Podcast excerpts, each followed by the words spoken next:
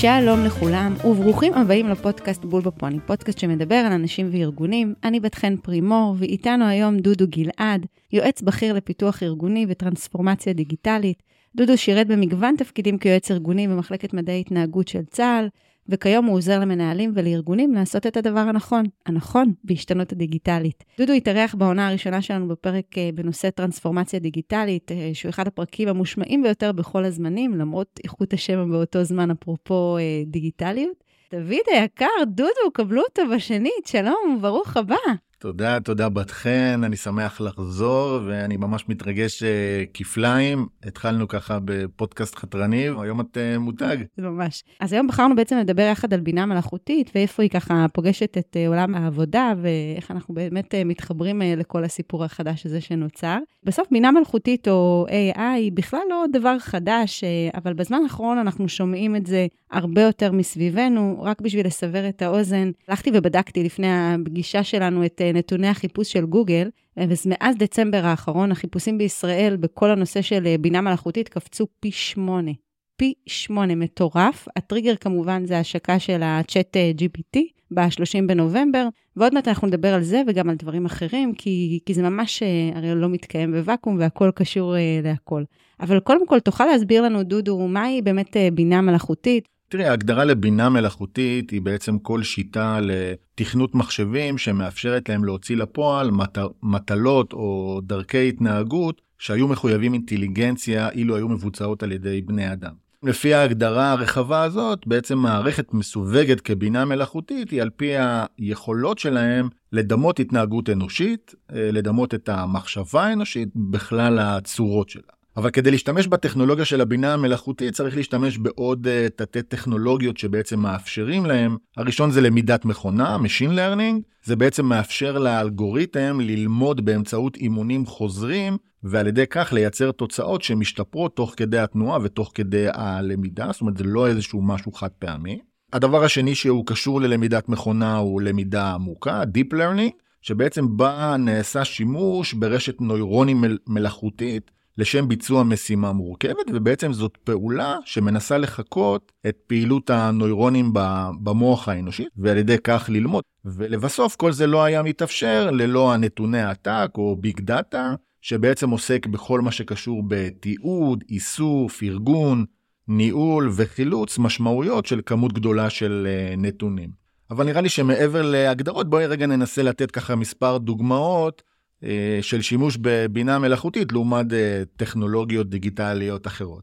ניקח אה, לדוגמה שאלה פשוטה שאנחנו שואלים את גוגל, ולעומת זאת, שאלה שאנחנו יכולים לשאול את הצ'אט GPT שדיברת עליו מקודם, שהוא מבוסס כולו על בינה מלאכותית, ובעצם אני שואל את שניהם שייתן לי איזושהי פתיחה לפודקאסט בנושא בינה מלאכותית. בעצם מה שגוגל אה, הולך ובודק את המילים שהגדרתי לו בשאלה, ובעצם נותן לי דברים שהוא מצא שיש את השם שם, והוא נותן לי את זה ברשימה שגם היא מסדרת את הסדר מהחיפושים הרלוונטיים יותר לחיפושים הרלוונטיים פחות. לעומת זה בצ'אט אה, GTP בעצם הוא לוקח את השאלה שלי, מעביר אותה למודל אה, מתמטי ובעצם מייצר uh, תשובה שלא הייתה קיימת, והוא מייצר לי תשובה חדשה.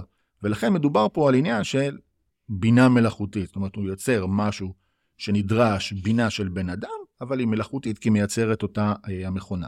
אגב, אה, כשהתייחסת עכשיו לגוגל, דיברת על תוצאות רלוונטיות. בשביל לדעת מה באמת רלוונטי, האלגוריתם של אה, גוגל בעצמו הוא הרי מפלצת של אה, בינה מלאכותית שיודעת לנתח מידע, ובהתאם להמליץ לנו על תוצאות שלדעתה הן יהיו הכי רלוונטיות עבורי או עבורנו בעת הנוכחית. שזה כבר מביא אותנו למשהו שחשוב אה, לדעתי לשים עליו דגש, כי בינה מלאכותית כבר נמצאת עמוק עמוק עמוק אה, סביבנו, ובגדול כולנו נעזרים בה כל יום, כמה פעמים, גם אם אנחנו לא מודעים לזה. אז בואו רגע נדבר קצת באמת על היום-יום שלנו, איפה זה פוגש אותנו?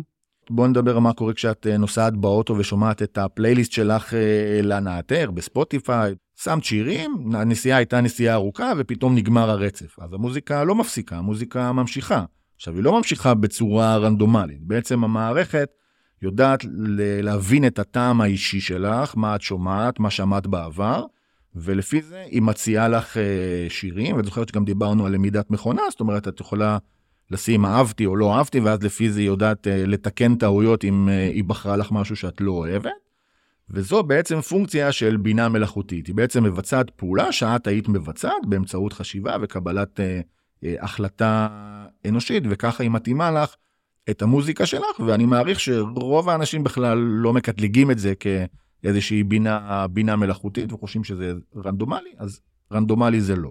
אז אני, אני ממש אוהבת את הדוגמה שהבאת של ספוטיפיי, אה, בלי קשר לזה שאני שומעת המון ספוטיפיי, בגלל שהיא באמת מאפשרת לנו להבין היטב את האזורים שבהם יש יתרון אה, לבינה מלאכותית על פני בינה אנושית.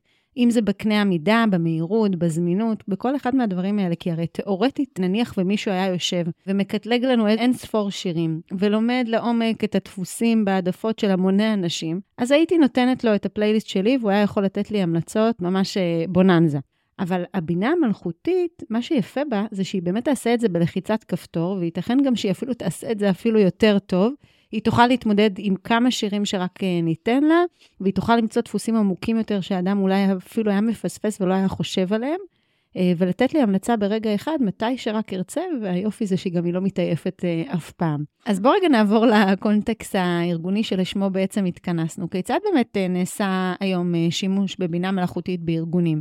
מבחינת השימושים, ממש את יכולה לחשוב על כל שימוש כמעט בכל דבר שבן אדם יכול לעשות, וזה רק ילך ויתפתח. הבינה יכולה לייצר עבורך טקסט בהתאם לפקודה שתתני לה. היא יכולה לענות במקומך על מיילים, היא יכולה לייצר לך תוכן לרשתות החברתיות, או לייצר לך כתבה בעיתון, והיא גם יכולה לכתוב תסריט לפרסומת, או אפילו לכתוב אה, מודעת דרושים בעיתון. ברמת ה- visual, היא ממש יכולה לייצר תמונה מטקסט. היא יודעת לבנות עבורך אה, מצגת אפילו ממשפט או מנושא שתתני. בתחום השמע היא יכולה לייצר שירים, היא יכולה להלחין מילים ואפילו לייצר סאונד. ממש אה, השבוע התפרסם אה, שיר שכתבו אותו במיוחד שני יוצרים, אבל את, ה, את הסאונד הם יצרו מזוהר ארגוב ועופרה חזה בקולות שלהם באמצעות בינה מלאכותית. ואני מזמין את כולם לשמוע את השיר, הוא, הוא באיכות כל כך גבוהה שאתה ממש לא יכול לדעת שזה נעשה על ידי בינה מלאכותית. אם נלך רגע לתחום שירות הלקוחות, היא פשוט יכולה להתלבש על צ'טבוט ולתת מענה לשאלות אונליין. עכשיו, כולנו מכירים צ'טבוט, כולנו מתכתבים עם חברת ביטוח או קופת חולים, אבל זה צ'טבוט שהוא ממש מוגבל לדברים מסוימים שאמרו לו לאן לנתב את הדברים. הצ'טבוט הזה, אם הוא מבוסס על בינה מלאכותית, הוא יכול לייצר דברים שהם דברים חדשים, הוא יכול לייצר תשובות. יש היום אפילו קופת חולים שאתה יכול לשאול שאלה רפואית באתר אינטרנט, הצ'אט יסגנן את התשובה, אבל עדיין היא לא תשלח את זה אליך, הרופא יסתכל על התשובה, יגיד שהתשובה טובה, נכונה, מדויקת, יכול לשנות אותה, וזה ישלח.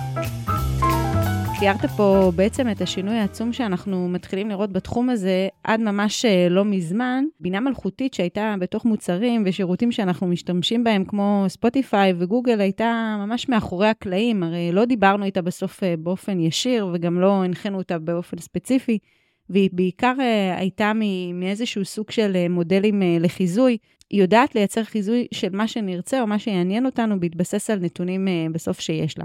מה ששונה ומאוד מעניין בתקופה הנוכחית הוא שנכנסנו עמוק לתוך מה שנקרא בינה מלאכותית יוצרת, אה, כזו שמאפשרת לנו לדבר ישירות עם המודל ולייצר דברים שלא היו. אם למשל תמונות, כמו שתיארת, מוזיקה או טקסט. בנוסף, אנחנו עכשיו נמצאים אה, בגל הראשון של אה, יכולות כאלה שמתחילות להיות משולבות לתוך מוצרים ושירותים.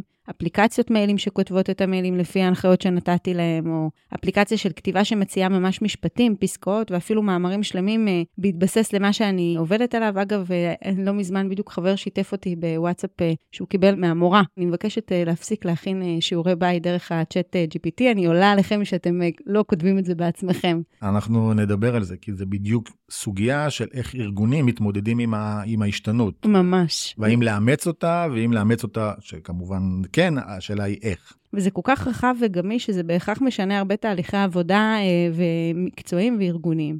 אז אה, דודו, איך אתה רואה את ההשלכות המשמעותיות ביותר אה, של זה על ארגונים בטווח הקצר והבינוני? קודם כל צריך להבין שאנחנו נמצאים בתוך מהפכה. בדיוק כמו שהייתה מהפכת הדפוס, או בדיוק כמו תחילת השימוש באינטרנט, שזה פשוט שינה את דרך העבודה שלנו, זה שינה אפילו גם, אפשר להגיד, את דרך החיים שלנו, ואני חושב שאנחנו רק בתחילת הדרך, ולכן מאוד עוד קשה להבין לאן זה ילך וכמה עמוק יהיה השינוי. ואני חושב שהמשמעות היא שכלי הבינה המלאכותית יעזרו לנו לעשות את העבודה, והדגש הוא על יעזרו לנו.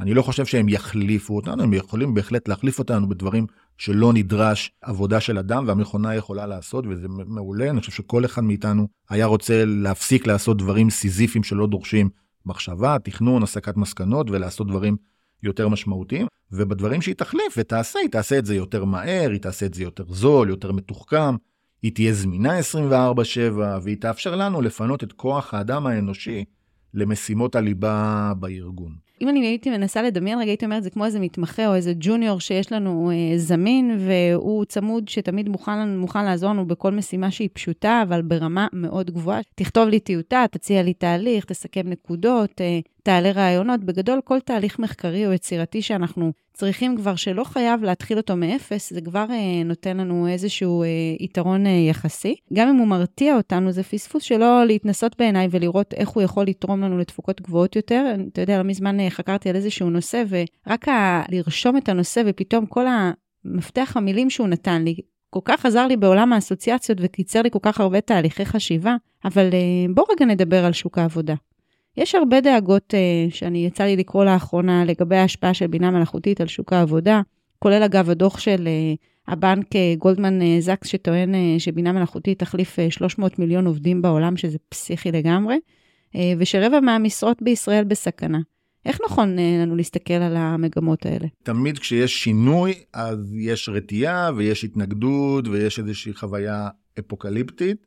אני דווקא יחסית מאוד בטוח. פשוט מהסתכלות על ההיסטוריה, אני חושב שפשוט אם את מסתכלת 200 שנה אחורה, רוב המקצועות שיש היום לא היו קיימים לפני 200 שנה אחורה, אז אם נסתכל עוד 100 או 200 שנה קדימה, סביר להניח שגם שם המקצועות יהיו שונים ממה שיש היום, ולכן אני חושב שאנחנו כבני אדם וארגונים, היכולת שלנו לשרוד היא באמת להתאים את עצמנו, ולכן זה מה שאנחנו צריכים uh, לעשות, ולכן uh, מה שאני מנסה לעשות בארגונים ולעזור למנהלים זה להתמודד עם ה... ההתנגדות הבסיסית הזאת ו- ולנסות להתאים את עצמם uh, ולהשתנות, ונכון, זה לא פשוט. אני טוען שהסיפור הוא פחות בטכנולוגיה, אלא יותר באנשים ובארגון. איך הם מתמודדים עם השינוי הטכנולוגי, איך הם uh, מתאימים את עצמם גם באופן אישי וגם uh, באופן ארגוני. עכשיו אפשר להגיד שפחות או יותר יש שתי הנחות רווחות בהתמודדות של אנשים עם כניסה של אה, טכנולוגיה ובטח ובטח הבינה המלאכותית. הראשונה זה הנחת הרציונליות, זאת אומרת אנשים אומרים תקשיבו אנחנו נסתגל לשינוי כמו שהסתגלנו לכל שינוי, יהיה בסדר, זה לא רלוונטי לכולם, זה בכלל לא רלוונטי לי, הסתדרנו לפני זה נסתדר גם אחרי זה, זה לא איזשהו שינוי משמעותי. ברצף הנגדי יש את הנחת האי-רציונליות. זאת אומרת, אנשים שאומרים, זהו, זה הולך להיות קטסטרופה, כל המשרות יוחלפו על ידי מכונות, מה יקרה אם הטכנולוגיות האלה יגיעו לגורמים עוינים. בקיצור, אלה שני הנחות יסוד שאנשים אה, פחות או יותר נדבקים לאחת מהם. המורכבות שלהם זה לא אם היא נכונה או לא נכונה, אלא שהן לא מניעות לפעולה, הן לא מניעות להתמודד עם, ה, עם הסיטואציה והשינוי. כשאמרת, דודו, שאנחנו צריכים להתאים את עצמנו, אה, למה אתה באמת מתכוון? יש את אה, חוק מרטנקס, שמציין שקצב השינוי הטכנולוגי תמיד יהיה מהיר יותר מקצב השינוי הארגוני, וככל שהזמן עובר, הפער רק הולך ו- ומתרחב. ידידי אושרי ברגיל הרחיב את המודל, וככה במחקרים שהוא עשה של הטמעת טכנולוגיה גם בצה"ל וגם בארגונים אחרים, הטכנולוגיה עדיין נשארת בקצב שינוי גבוה, אחר כך אנשים, העובדים, בני האדם, מצליחים להתאים את עצמם ככה קצת יותר מהר, אחריהם התרבות הארגונית ותהליכי העבודה הארגוניים, ורק בסוף בסוף המדיניות ו- והרגולציה. אוקיי, את זוכרת, נתת את הדוגמה של, ה- של המורים, זה, זה, זה בדיוק דוגמה קלאסית. אני קראתי עבודת מטה נהדרת של משרד החינוך, עוד לפני, של, לפני שנתיים-שלוש, על בינה מלאכותית ואיך אפשר להטמיע, וההמלצות שלהם היא בהחלט היה להטמיע כן אבל. המדיניות והרגולציה לוקח לה זמן עד ש... אה, שהיא תצא, אבל בינתיים... עד שהיא מבשילה. כן, אבל בינתיים העולם לא מחכה. זאת אומרת, נכון. התלמידים משתמשים בבינה המלאכותית, והמורים צריכים רגע להתמודד עם, ה, עם הדבר הזה, אה, ובטח ובטח בעולם העסקי. ולכן כשאני, כשאני מגיע לארגונים שרוצים להטמיע שינוי טכנולוגי או לעשות איזושהי השתנות טכנולוגית, אנחנו עובדים על כל האספקטים האלה. זאת אומרת, לא רק על העניין הטכנולוגי, אלא גם על מה המשמעויות לאנשים, מה המשמעויות על תהליכי העבודה, מה המשמעויות לתרבות הארגונית וגם איזה רגולציה, איזה אתיקה נדרשת, איזה כללים של עשה ואל תעשה נדרשים כדי להטמיע את השינוי בצורה הטובה ביותר. אני חושבת שיהיה מאוד מעניין שנדבר קצת uh, על תפקיד של uh, בינה מלאכותית בתהליך של קבלת החלטות בארגונים. נראה לי שזה קצת נדרש, אז בואו בוא נרחיב על זה קצת. פה באמת uh, את פוגעת באחד הנושאים הליבתיים בבינה מלאכותית, גם בהיבט של uh, היכולת שלה והדלתא שהיא עושה אל מול היכולת האנושית מצד אחד, אל מול הסכנות והחששות שיש בלתת למכונה אה, לקבל אה, עבורך אה, החלטות. אפילו אם תחשבי על בחירת המסלולים בווייז, זאת אומרת, כשאתה נכנס לווייז אתה שם את, ה, את הכתובת, רוב האנשים בדרך כלל הולכים על המסלול הראשון שהוא נותן להם, חלק אחר מהאנשים לוחץ על הכפתור שנותן לך את המסלולים, ואז כבר אתה מקבל אופציה לבחור באיזה מסלול אתה רוצה לנסוע. אם נתקדם רגע עם רמת הסיכון, נלך רגע לתחומי הרפואה, אז באסותא כבר יש שנים אה, רובוט שעוזר לרופאים בניתוחים זהירים, שיש לו יתרון על אה, יד האדם. הוא עדיין מופעל על ידי האדם, אבל הוא בהחלט יכול להיות אה, אוטונומי ולעשות פעולות ופרוצדורות אוטונומיות שמוגדרות מראש. במקומות שבהם לבינה המלאכותית יש סיכונים גבוהים יותר ושנושא האתיקה לא הוסדר, שם היא מתקדמת יותר לאט. הדוגמה הכי קלאסית זה הטייס האוטומטי, אני זוכר שבקורונה mm. היו תמיד בדיחה שהטייס היה אומר, חבר'ה, היום אני עובד מהבית. זה לא בדיחה, כי הטייס האוטומטי, המטוס, יכול לעשות היום הכל באופן אוטומטי, גם, גם את ההמראה והנחיתה. אבל עדיין יש טייס, ועדיין יש יותר מטייס אחד, זאת אומרת, עדיין אנחנו לא מאמינים לגמרי שהמכונה יכולה לקחת אותנו את כל הדרך, ואנחנו רוצים שיהיה שם מישהו שאם יקרה משהו, שידע לתת מענה. הדוגמה השנייה היא בעצם הרכבים האוטונומיים, היא דוגמה מצוינת כי תשתית הטכנולוגית כבר נמצאת שם, ורוב התקיעות כיום לשימוש מלא היא בענייני אתיקה ורגולציה. זאת אומרת, עכשיו הרכב האוטונומי עשה תאונת דרכים, ומגיעים לבית משפט, אז מי אשם? הנהג, שבעצם לא נהג, כי נהגה המכונה, mm-hmm. או חברת מכוניות שפיתחה את הבינה המלאכותית, או בעצם אולי השם עיריית רמת גן, שהתמרור אה, אין כניסה אה, היה מלוכלך והמצלמה לא זיהתה את תמרור האין כניסה.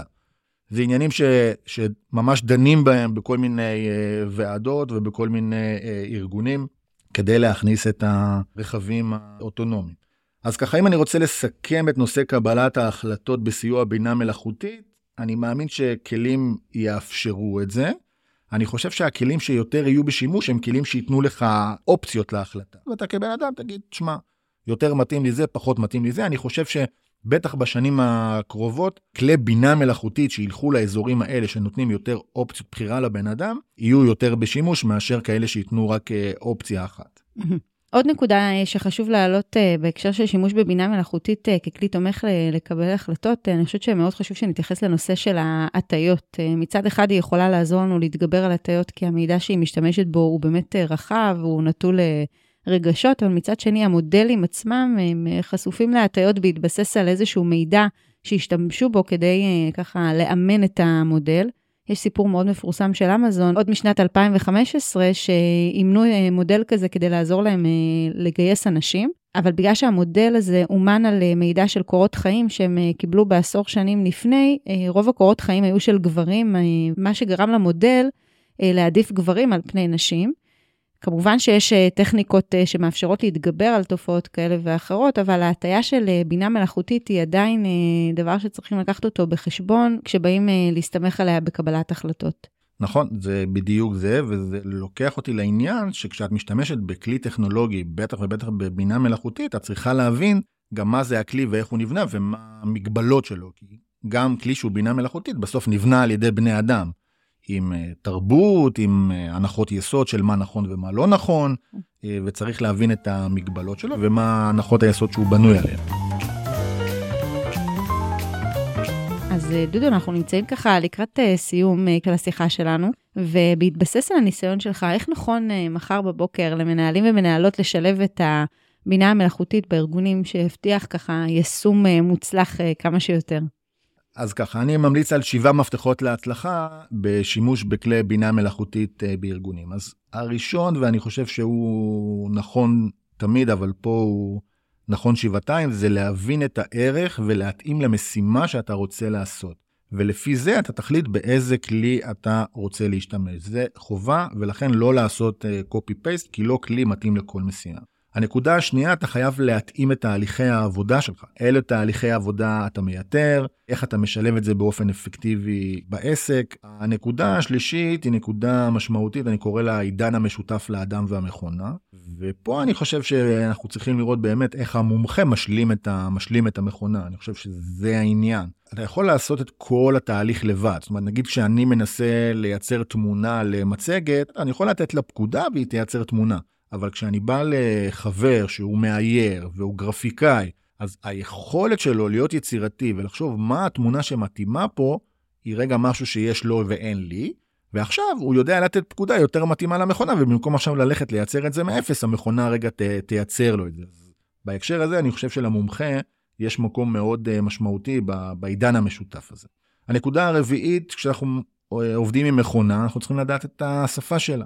זה נקרא בעגה המקצועית פרומפט, אה, והיום יש אה, אנשים שאפרופו דיברנו על מקצועות חדשים, שהתפקיד שלהם זה כותבי פרומפטים. המקצוע שלהם זה לא רק שהוא יודע לדבר עם המכונה ויודע מה לבקש ממנה, אבל מכיוון שאמרנו שגם המכונה הזאת מתאמנת כל הזמן, אז גם הוא בעצם חלק מהבנייה של המכונה. ולכן היכולת שלך לדעת אה, לדבר עם המכונה ולדעת לתקשר איתה כדי להוציא תוצר יותר מדויק, היא מאוד מאוד משמעותית. הנקודה החמישית היא הכשרת הלבבות. Hmm. בסוף אתה פה מכניס אה, משהו חדש, דיברנו על זה שזה שינוי מייצר התנגדות ומייצר חשש, ובטח שינוי אה, טכנולוגי. צריך לעשות תהליך שמכשיר את הלבבות אה, לשינוי הזה, לדבר עם העובדים, להראות להם את היתרונות, לדבר ולתת מקום לחששות. אני מזכיר לך את שני ההנחות שדיברנו עליהן, של הרציונליות והאי-רציונליות, זאת אומרת להוציא את האנשים מהאזורי תקיעות הזאת למקום יותר פרואקטיבי. הנקודה השישית היא אוריינות טכנולוגית. עכשיו, אני חושב שהכלים האלה, רובם בנויים מאוד מאוד אינטואיטיביים מאנשים שהם לא טכנולוגיים. אבל מאוד חשוב, בעיקר, בעיקר זה לשחק עם זה. זה להתחכך עם הדבר הזה, לא להימנע מהחיכוך, ואנגלית היא חשובה מאוד. אני אמרתי לילדים שלי, חבר'ה, מה שתעשו בבית ספר סבבה, רק אנגלית. ממש. אה, כי אנגלית אה, היא בעצם השפה שעליה רוב הכלים אה, עובדים. והנקודה השביעית והאחרונה, דיברנו עליה גם בדוגמאות האחרות, למה זה מעכב, זה עניין של קביעת אתיקה ועקרונות עבודה. זאת אומרת, בהקשר הזה אני אגיד, הכיוון הוא להגיד כן לבינה מלאכותית בתהליכי עבודה, אבל 1, 2, 3, מאשר אוטומטית להגיד לא. ואני רוצה להוסיף עוד אה, נקודה אחת אה, שהיא חשובה בעיניי לא פחות, זה להיות קשובים ומאפשרים לאנשים. אם יש לנו אנשים טובים בצוות ובארגון, הם כבר לבד הרי ימצאו את יכולות אה, הבינה המלאכותית שיעזרו להם בעבודות השוטפות שלהם, ואני ממליצה באמת אה, לייצר איזשהו שיח אה, ארגוני שיעודד אותם לגלות ולהתנסות בכלים החדשים. וברגע שיש באמת נתונים אה, עם פוטנציאל גבוה, שאפשר באמת ככה לבנות עליהם ולהשתמש בהם, אני חושבת ששווה לחשוב באופן מעמיק יותר איך אפשר לשלב בתוך תהליכי עבודה. אם זה למשל באמצעות אינטגרציה עם כלים קיימים בארגון שבהם אנחנו משתמשים ביום-יום. ואפרופו, אגב, אה, דודו, לשאלתך, אם היית נותן אה, לבינה המלאכותית אה, פתיח לפודקאסט שמתעסק בבינה מלאכותית, אז מה שהוא היה אומר, ממכוניות בנהיגה עצמית לבחירת שירים, בינה מלאכותית משנה את הדרך שבה אנחנו חיים, אבל איך נוודא שאנחנו מנצלים אותה במלוא הפוטנציאל שלה? בואו נגלה יחד כשאנחנו צוללים עמוק לתוך עולם ה-AI, וכיצד להשתמש בו בצורה נכונה. כהרגלך, דודו, היה פשוט מרתק ושנון, אין עליך. תודה, תודה רבה, ומחכים לפרק הבא. חד משמעית. להתראות.